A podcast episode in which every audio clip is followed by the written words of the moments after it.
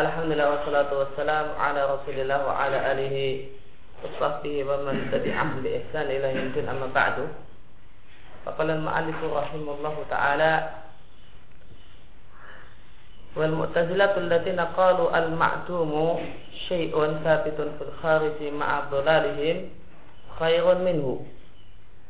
Fa inna ulaika qalu inna rabba khalaqa li hadhil asya'i الثابتة في العدم وجودا ليس هو وجود الخالق.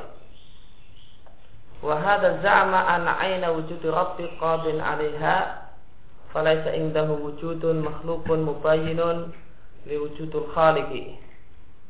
وصاحبه الصدر القناوي يفرق بين المطلق والمعين.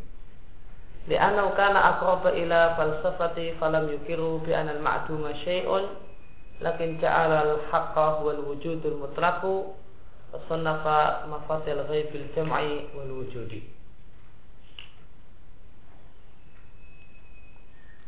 Dan Mu'tazilah mereka adalah orang-orang yang mengatakan bahasanya al-ma'dum syai. Ketiadaan adalah syai. Sesuatu yang ada fil kharij di alam nyata. Nah Mu'tazilah ini ma'abolalihim meskipun sesat itu lebih baik daripada orang yang meyakini wahdatul wujud. Fa'ina ulaika karena mereka orang-orang Mu'tazilah kalau mengatakan sesungguhnya Rabb khalaqa li hadil asya'a tsabita fil adam Sesungguhnya Allah Subhanahu wa taala menciptakan ya, bagi segala sesuatu yang ada di dunia yang tidak ada ya, sesuatu yang makdum mereka katakan bahwa Allah Subhanahu wa taala menciptakan makdum itu wujudan. Menciptakan wujud yang wujudnya makdum tersebut atau Allah Subhanahu wa taala menciptakan segala sesuatu yang ada ini fil adam ketika dia belum ada sudah diciptakan oleh Allah satu wujud yang wujud tersebut berbeda dengan wujud Allah. Artinya Mu'tazilah masih membedakan antara ya, wujud Allah dengan wujud selain Allah. Wahada za'ama sedangkan orang yang meyakini, meyakini wahdatul wujud berkeyakinan bahasanya aina wujud wujudul Rabb qadin 'alaiha. Bahwasanya wujud Allah Subhanahu wa taala itu qadin 'alaiha menghancurkan al-asya' atsabidah fil al-asya' atsabidah. Itu menghancurkan segala sesuatu yang ada. Sehingga falaisa indah maka menurutnya tidaklah wujud makhluk berbeda dengan wujud khalik karena sudah lebur. Wujud Allah sudah lebur dengan berbagai sesuatu yang ada. Maka tidak ada perbedaan antara wujud Allah dengan wujud makhluk. Wasahibuhu dan dan pemilik pemahaman semacam ini eh, seorang yang bernama Sadr Konawi Yufarik membedakan antara wujud mutlak dan wujud muayyan. Wujud mutlak dan wujud muayyan, wujud yang sudah tertentu. Karena dia lebih dekat kepada falsafah. Maka dia tidaklah mengakui bahasanya ma'dum adalah syai. Ketiadaan adalah sesuatu. Akan tapi dia tetapkan bahasanya al-haq yaitu Allah wal wujudul mutlak. Jadi dia menulis buku Miftahu ghaibil jam'i wal wujud.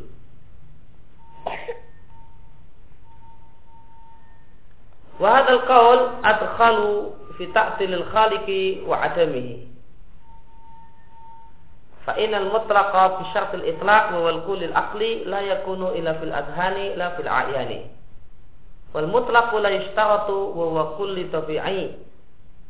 wa huwa kulli tabi'i. Wa in qila innahu mawjudun fil khariji fala yujadu fil khariji illa muayyanun. Wa huwa juz'iyyun minal muayyani ingda man yakulu fi thubuti fil khariji fayalzamu ayakuna wujudu rabbi imma mutayaqanan fil khariji wa imma ayakuna juz'an min wujudil makhluqati wa imma ayakuna aina wujudil makhluqati wa hal yakhluqu al-juz'iyyu al-kulliyya am yakhluqu asyai'u nafsahu.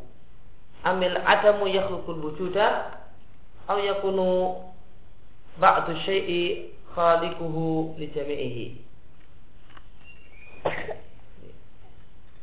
Satu paragraf ini saya juga enggak enggak begitu paham karena bahasanya bahasa bahasa bahasa filsafat Wahal kaul dan perkataan ini adkhal lebih masuk fi ta'til khaliq wa adamihi berkaitan dengan masalah me mengingkari sang pencipta dan tidaknya.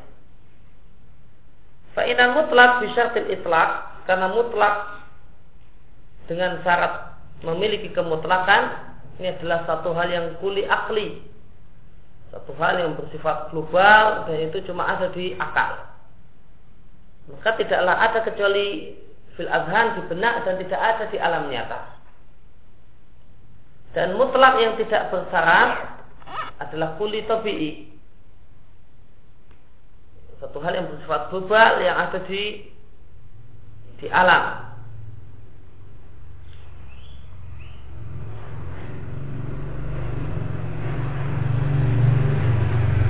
Wa in maka jika dikatakan inau sesungguhnya Allah al-Khaliq itu wujud dan kharij ada di alam nyata. Maka tidaklah dijumpai di alam nyata kecuali wujud yang tertentu. Itu merupakan wujud yang parsial dengan muayyan dari sesuatu yang tertentu.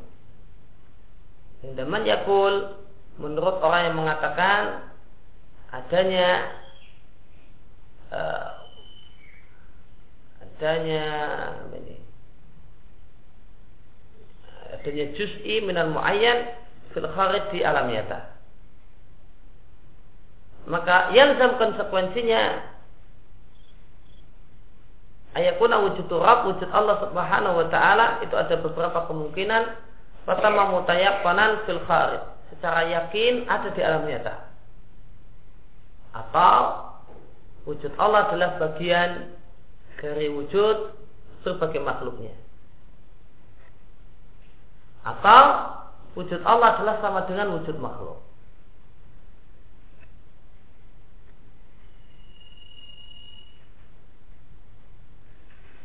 Wahal yakhluqu al-juz'i al-kuliyah dan apakah uh, perkara yang parsial itu menciptakan perkara yang global ataukah sesuatu itu menciptakan dirinya sendiri ataukah ketiadaan itu menciptakan sesuatu yang ada ataukah sebagian sesuatu itu menciptakan keseluruhannya.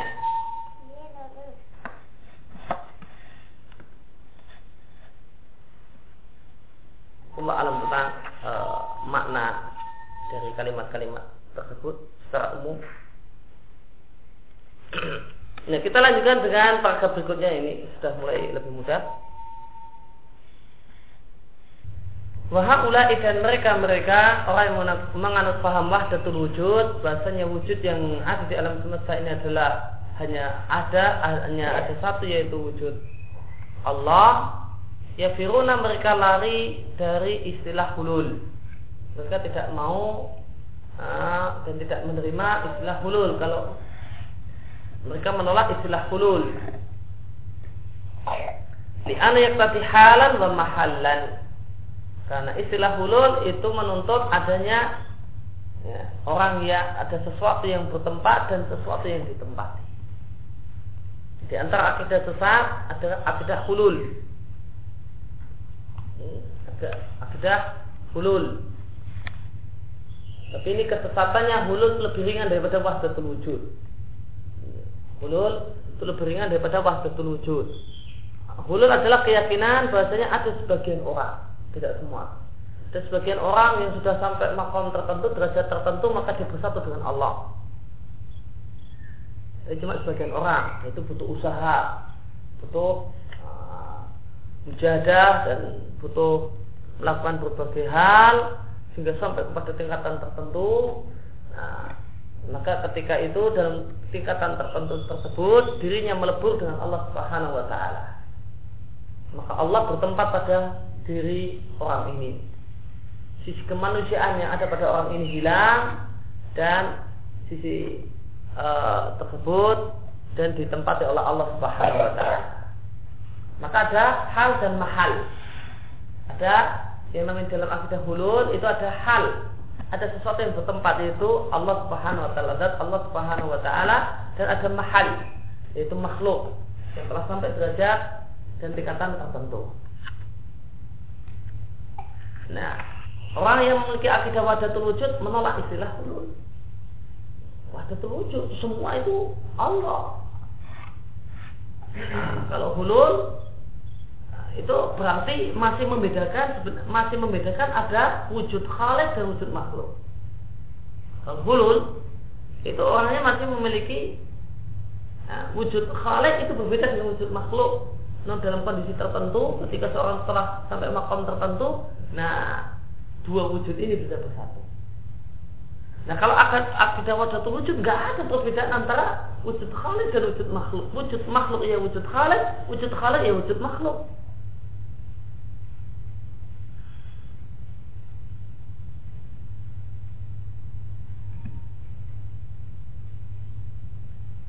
yaktadi li an yaktadi halan wa mahalan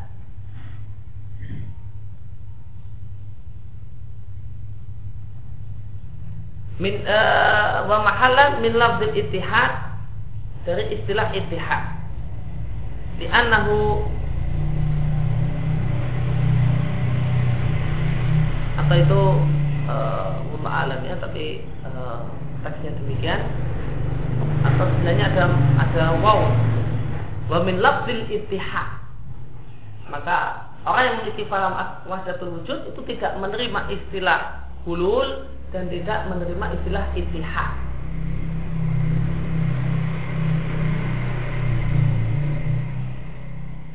Li'anu tadi syai'aini karena ittihad itu maknanya ada dua sesuatu. Ittahada ahaduma bil akhar. Yang satu bersatu dengan yang lain. itu istihad. Padahal mereka keyakinan mereka wujud khalik sama dengan wujud makhluk, wujud makhluk sama dengan wujud khalik. Tidak ada perbedaan. Wujud.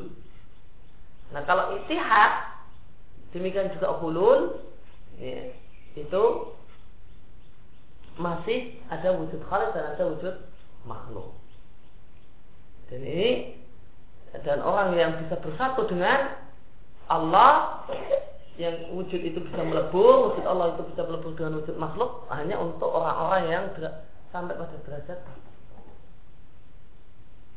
maka orang yang punya akidah wahdatul wujud menolak akidah hulul wal ittihad. Itu nggak benar. Nah, yang benar kami.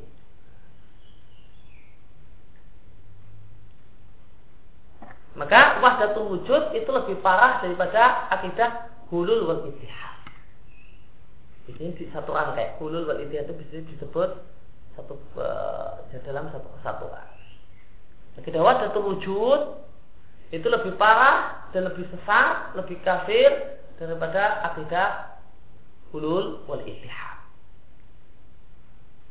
Nah, hulul wal ittihad ini ya, uh, yang disebut oleh orang Jawa manunggaling kaulo gusti bersatunya Allah hamba dengan Gusti yaitu Allah. Nah ini cuma untuk orang-orang tertentu. Yang bisa bersatu itu untuk orang-orang tertentu. Ini akidah hulul wa.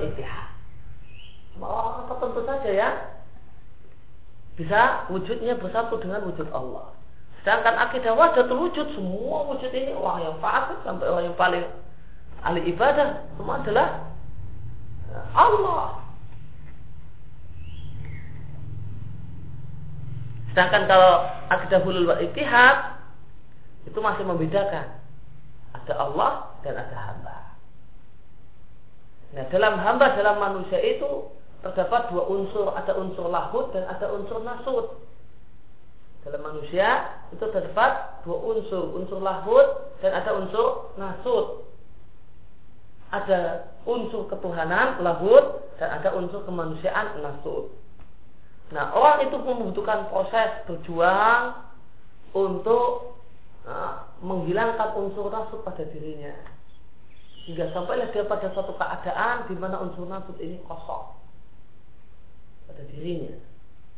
Nah ketika yang ada pada dirinya cuma ada unsur lahut, nah pada saat itulah maka Allah Subhanahu Wa Taala dan Allah bisa bertempat pada dirinya.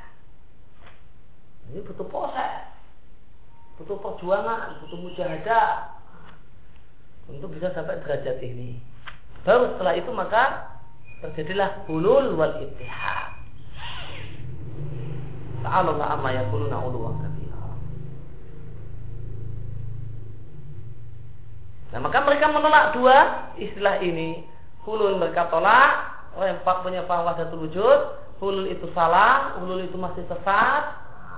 Intihad juga keblinger. Kenapa? Indahum al wujud wahid. Karena menurut mereka wujud yang ada di alam semesta ini adalah satu. Allah yang makhluk, makhluk ya Allah. Oleh karena itu mereka mengatakan orang-orang Nasrani itu kafir. Dan itu kafir. Mereka meyakini orang paham wahdatul wujud, meyakini Nasrani itu kafir. Dan apa sebab kafirnya? Lama qasasul masih annahu Allah. Annahu Allah. Karena mereka mengkhususkan yang Allah itu adalah Al-Masih. Walau amamu lama kafaru. Seandainya semua itu adalah Allah, Al-Masih. Nah, demikian juga Yahudi yang mau, mau membunuh Al-Masih, itu semua adalah Allah, mereka tidak kafir, mereka beriman. Seandainya semuanya adalah Allah, tapi kalau Allahnya kok cuma satu, cuma Al-Masih saja yang Allah, maka jadilah mereka kafir. Seandainya semua itu Allah, nggak kafir. Itu sebab kafir yang mereka Nasara menurut mereka.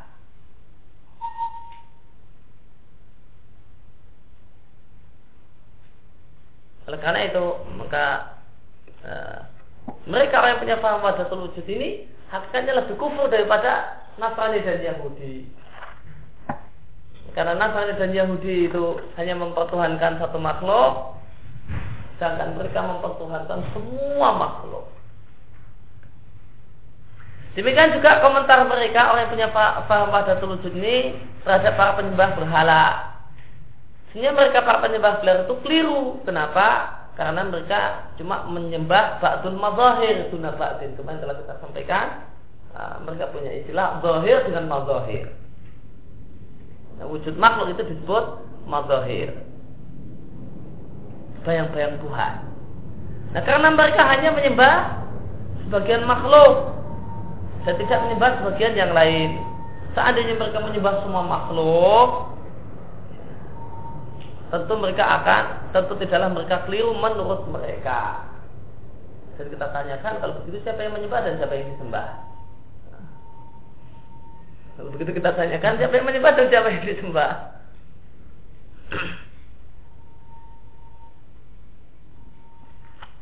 Wal arif al muhakkik indahum dan orang yang benar-benar sudah makrifat, ya, muhakkik yang, yang sudah benar-benar menyelami ilmu mereka hingga menurut mereka layatul ibadatul asna. Itulah dosa jika nyembah berhala. Wahada ma'ama fi minal kufur azim. Dan perkataan ini dan keyakinan ini di samping adalah kekufuran yang sangat-sangat besar. Fafihi ma yalzamuhum da'iman minat tanakut.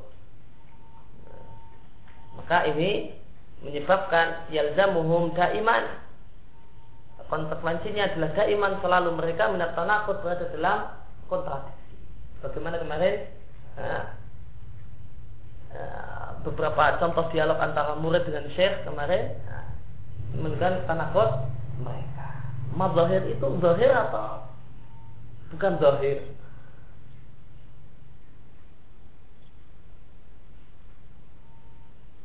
Lianna yukallahu karena kita bantah kepada mereka faminan faman al mukti. Jika wujud itu adalah Allah dan wujud itu adalah satu, lalu yang keliru itu siapa? Kalau mereka katakan Nasrani itu keliru karena nyembah uh, satu makhluk saja dan penyembah berhala uh, orang-orang musyrik itu keliru karena mereka nyembah sebagian makhluk, sebagian mazahir. Lalu yang keliru itu siapa? Bukankah dia juga mereka? Mereka juga dia? Karena wujud itu satu. Maka dia yang mengatakan kaum mukte itu juga mereka. Nah, mereka juga dia. Lalu siapa yang salah? Siapa yang keliru? Oh, enggak ada kecuali satu. Enggak ada. Wujudnya kecuali satu. Wujudnya dia yang punya keyakinan ini sama dengan wujudnya masalah, sama dengan wujudnya orang-orang musyrik. Lalu siapa yang salah? Nah, lalu gimana mereka keluar dari uh, dari bantan ini? Bahasanya berkata iman minat tanakut.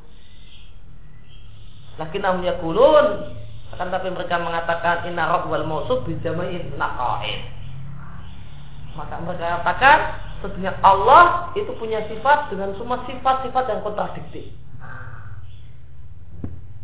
Allah itu punya sifat kontradiktif. Semua sifat kontradiktif itu ada pada diri Allah. Alat yusafu fihal makhluk yang itu menjadi sifat makhluk. Sedangkan mereka katakan dengan makhluk itu bersifat dengan sifat-sifat sempurna yang dalam keyakinan kita sifat sempurna itu adalah sifat yang dimiliki oleh Al-Khaliq.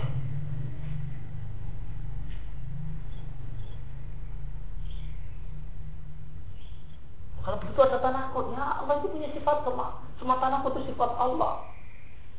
Sifat tanakut yang merupakan kita yakini adalah sifat manusia diberikan untuk Allah dan sifat sempurna yang kita yakini adalah milik Allah diberikan untuk manusia.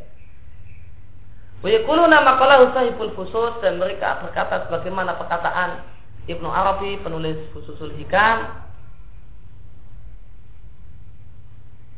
Fal aliyu li nafsihi maka zat yang maha tinggi untuk dirinya huwallazi yakunu lahu kamal adalah zat yang memiliki kesempurnaan yang kesempurnaan tersebut mencakup semua sifat-sifat yang ada dan semua sifat-sifat yang tidak ada. Artinya tanakut.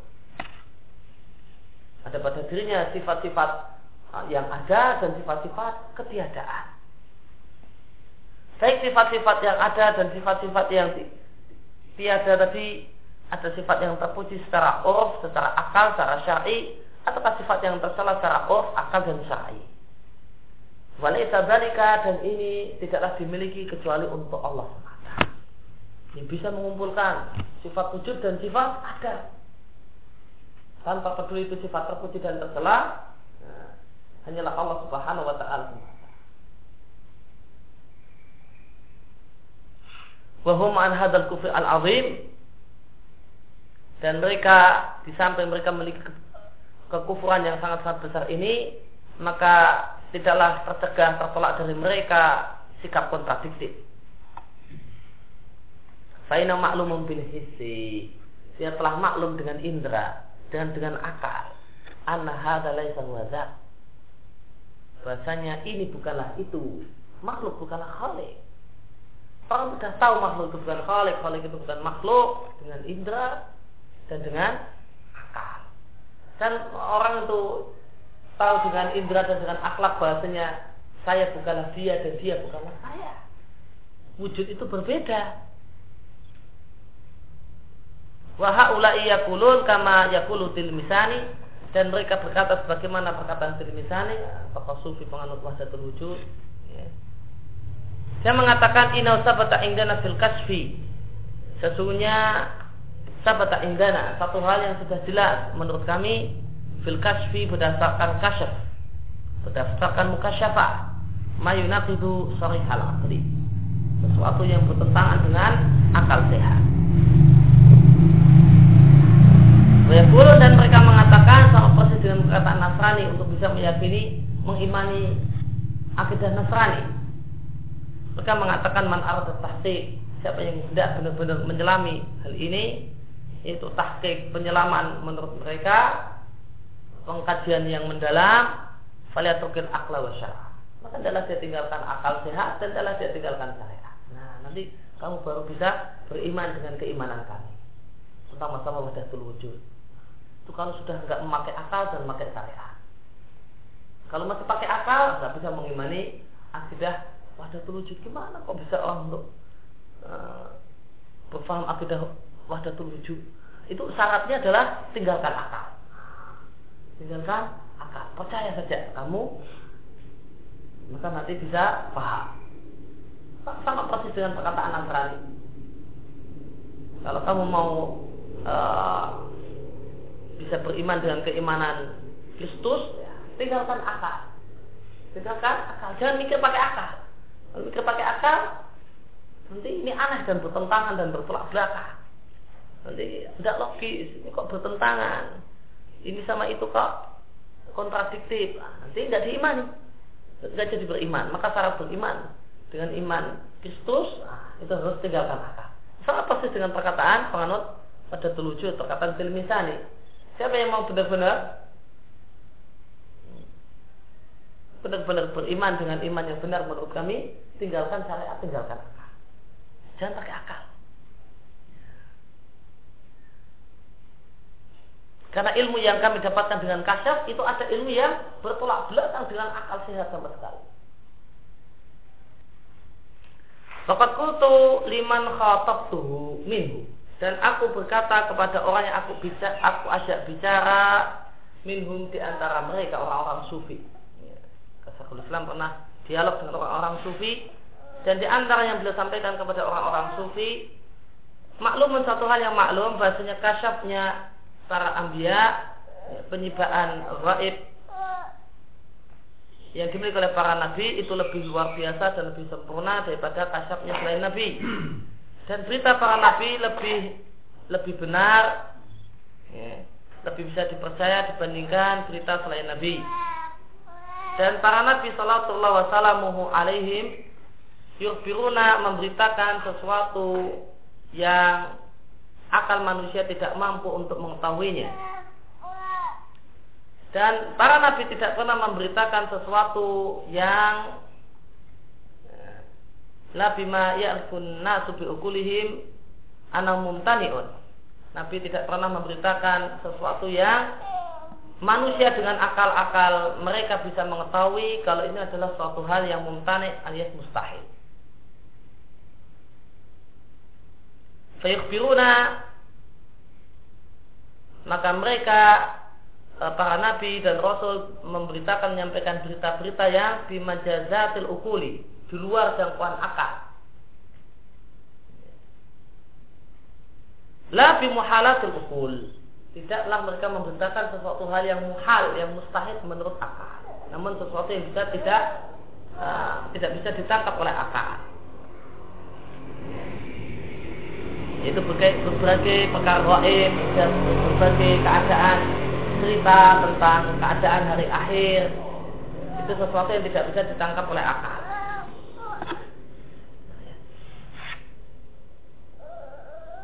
Tani ayakuna fil akhbar rasul dan tidaklah mungkin berita yang disampaikan oleh rasul itu yunakidu sarihal makuli bertentangan dengan akal sehat. Wayam tadi dan tidaklah mungkin berita yang disampaikan oleh Rasul bertentangan dengan akal sehat. Wayam tadi dan tidaklah mungkin ya ta'arud bertentangan dua dalil. Yang keduanya adalah dalil qat'i. Tidaklah mungkin baik keduanya adalah sama-sama dalil logika atau sama-sama dalil wahyu. Atau yang satu dalil wahyu dan yang lain dalil logika.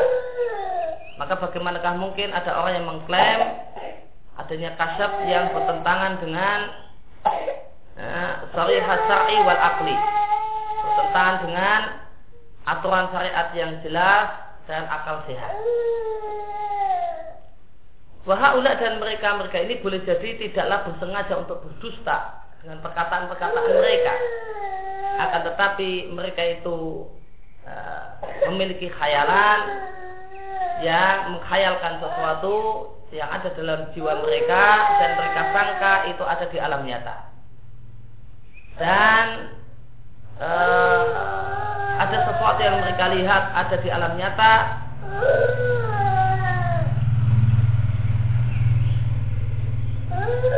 akan tetapi mereka menyangka itu adalah karomah untuk orang-orang saleh padahal itu adalah talbis dari setan. Dan mereka-mereka yang mengatakan wahdatul wujud dan lebih mengutamakan wali daripada nabi dan menyebutkan bahasanya kenabian itu tidaklah berakhir sebagaimana yang dikatakan oleh Ibnu Sab'in dan yang lainnya mereka menjadikan bahasanya manusia itu mengalami tiga tingkatan. Yang pertama tingkatan hamba yang pertama yashadu awalan pada awalnya hamba itu melihat adanya ketaatan dan ada maksiat. Inilah orang yang baru dalam tataran syariat. Ada taat ada maksiat. Ini taat, ini maksiat. Kemudian tataran yang kedua, ketika orang sudah lebih dari tataran syariat, maka yang dia lihat adalah semuanya taat. Semuanya taat, tidak ada maksiat. Kemudian tingkatan yang ketiga, tidak ada taat dan tidak ada maksiat.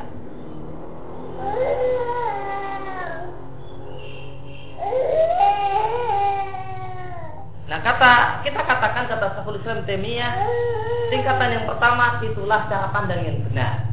Maksudnya di dunia ini ada tak ada ada maksiat itu yang benar. Ya, orang yang punya akidah wadatul wujud itu meyakini tiga tingkatan ini. Orang yang punya akidah wadatul wujud itu meyakini tiga tingkatan ini. Cara pandang yang pertama, kedua dan ketiga tadi.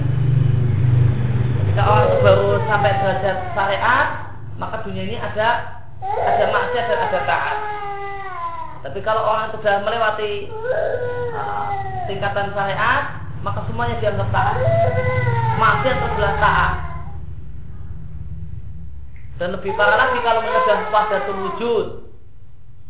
Nah, tapi belum sampai wahdatul wujud, tingkatannya kedua belum sampai wahdatul wujud belum tingkat sampai tingkatan wadatul wujud. Kalau sudah sampai tingkatan wadatul wujud, tidak ada taat, tidak ada maksiat. Karena saya adalah roh adalah saya. Lalu siapa taat siapa? Dan nah, kalau tingkatan kedua masih melihat bahasanya ada dua wujud, wujud Allah, wujud makhluk dan wujud khalik. Wujud makhluk dan wujud khalik. Namun semuanya diyakini adalah tanda Allah dalam arti takbir Allah. Namun semuanya dilihat adalah sebagai kehendak Allah, maka maksiat adalah kehendak Allah, maka taat semua. Nah, setelah itu orang sampai pada tingkatan ketiga, tingkatan wahdatul wujud. Nah, kalau orang itu sudah sampai tingkatan wahdatul wujud, maka tidak ada maksiat, tidak ada taat. Dikatakan maksiat sama siapa? Dan dikatakan taat sama siapa? Pong saya adalah Allah, Allah adalah saya maka tidak ada taat, tidak ada maksiat. Maka cara pandang pertama adalah cara pandang syariat, ada taat, ada maksiat. Yang cara pandang kedua adalah cara pandang takdir. Semua dianggap sudah takdir Allah, kehendak Allah. Dan semua yang sesuai dengan kehendak Allah dan semua yang Allah takdirkan itulah taat. Maka hanya ada taat, tidak ada maksiat. Namun masih ada hamba dan ada khalik. Setelah itu lebih parah lagi, tidak ada hamba, tidak ada khalik, semuanya ada khalik. Ya. Maka semuanya tidak ada taat dan tidak ada maksiat. Kata Syekhul Islam, wasud al awal bah, suhud Cara pandang yang pertama itulah yang benar, yaitu membedakan taat dan maksiat. Adapun cara pandang yang kedua, mereka maksudkan adalah suhudul kodar menilai bahwa segala sesuatu adalah telah ditakdirkan oleh Allah Subhanahu wa taala dan dikehendaki oleh Allah Subhanahu wa taala dalam artian masyiah. Kama kama kana ba'du haula yaqul sebagaimana sebagian mereka mengatakan aku kafir ya. aku kafir fi rabbin dengan Rob yang bisa didurhakai. Ini perkataan orang yang sudah berada di tingkatan kedua. Namanya taat. Namanya taat tidak ada maksiat. Maka ketika orang setelah sampai pada tingkatan yang kedua semua taat, tidak ada maksiat, maka maka dia katakan anak kafir bin yusa. Saya nggak mau percaya. Oh, kok Tuhan kok bisa didurhakai? Maka tidak ada di dunia ini kecuali taat. Orang maksiat adalah taat. Orang taat juga taat. Orang berzina itu juga taat karena dia menjalani takdir Allah untuk dirinya. Gitu cara mandangnya. Maka tidak ada maksiat karena tidak ada maksiat. Ini maka saya tidak percaya adanya Tuhan kok bisa didurhakai oleh makhluk.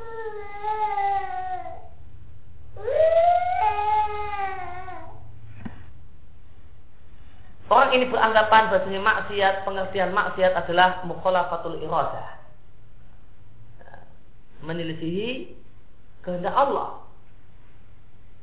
Allah mentakdirkan A, Allah mentakdirkan A, kok orang itu kok bisa keluar dari takdir Allah A itu sehingga B, dan itu maksiat. Kalau takdir Allah A dan orang itu mengerjakan A itu tidak maksiat. Tapi orang yang keluar dari takdir itulah maksiat. Maka tidak ada orang yang semuanya taat. Pengertian maksiat dalam pikirannya. Adalah mukhalafatul iradah, menyelisih kehendak Allah Subhanahu wa taala dalam artian iradah kauniyah. Yang iradah kauniyah itu sama dengan al-masyiah. Sedangkan makhluk seluruhnya itu berada di dalam hukum masyiah. Oleh karena itu penyair mereka orang yang berada dalam tingkatan yang kedua ini tumun fa'ilan ya. Jadilah aku di waktu pagi ya. Munfa'ilan lima takhtahu minni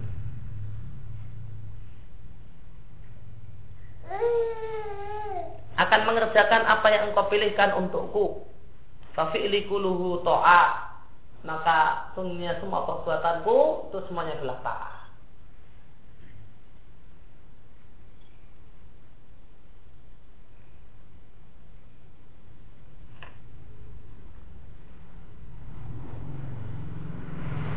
Maka kenapa ini timbul? Pemahaman ini timbul karena tidak bisa membedakan iradah kauniyah dari iradah syariah. Tidak bisa membedakan iradah bimakna masyiah dan iradah bimakna mahabbah.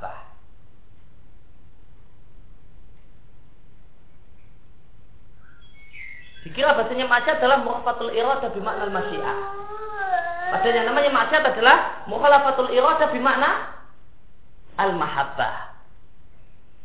Yang namanya maksiat adalah menyelisih apa yang Allah kehendaki, kehendak Allah dalam artian apa yang Allah cintai.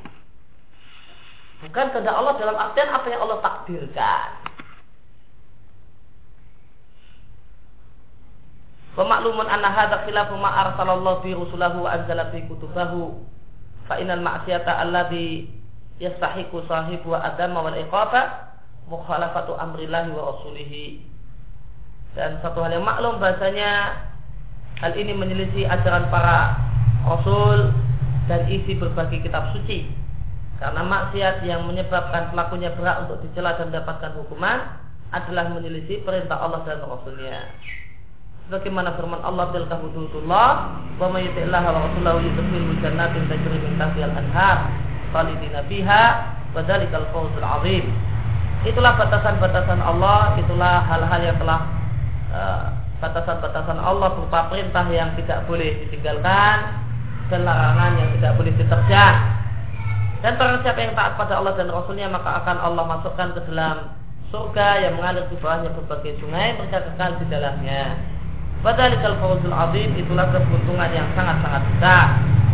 Wa may rasulahu wa yata'adda hududahu yudkhilhu naran khalidan fiha walahu adabun muhin.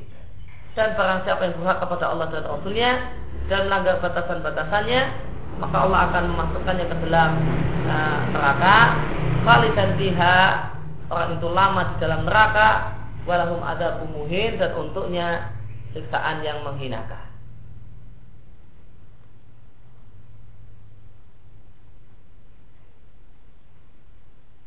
Wasanat sanadku al-farqa bainal iradah kauniyah wal iradah diniyah wa al-amru al-kauni wa amru ad-dini.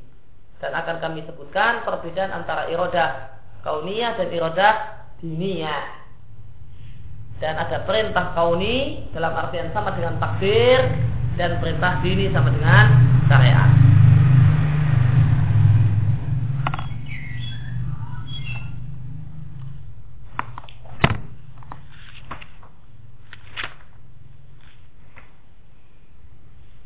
Maka hadin masalah dan permasalahan ini telah rancu pada sekelompok orang-orang sufi lalu dijelaskan oleh Junaid rahimahullah kepada mereka. Maka siapa yang mengikuti Junaid dalam masalah tersebut, maka ala sajad maka dia di atas kebenaran. Dan siapa yang menyelisihinya maka dia sesat. Fa'inam takalamu fi anar umur kullah bimasyiatillah wa kudratih. Maka sesungguhnya mereka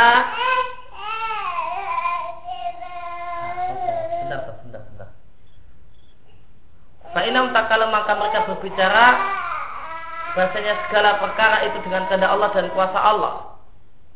Dan lebih syuhudi hada. Lebih syuhudi hada. Dan itulah tauhid. Ketika seorang itu berkeyakinan semua adalah takdir Allah. Itulah yang dianggap tauhid. Dan mereka namakan hal ini dengan al-jam'u al-awwal. Maka Junaid menjelaskan pada mereka maka Junaid menjelaskan kepada mereka bahasanya tidak e, maka harus kita bedakan. Labuda min sudil fakisani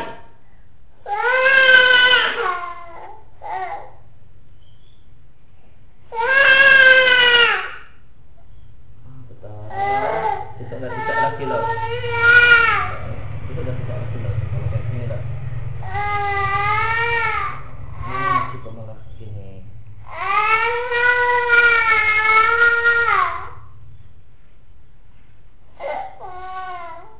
Ya, maka Buddha harus suhud memperhatikan adanya perbedaan yang kedua. Yaitu bahasanya di samping kita mengakui bahasanya segala sesuatu itu memiliki kesamaan yaitu dikehendaki oleh Allah dan terjadi dengan kuasa Allah Subhanahu wa taala dan Allah ciptakan, namun wajib kita bedakan antara yang apa yang Allah perintahkan, Allah cintai dan Allah ridai dan apa yang Allah larang dan Allah benci dan Allah murkai dan kita bedakan antara para wali Allah dan para kekasih Allah.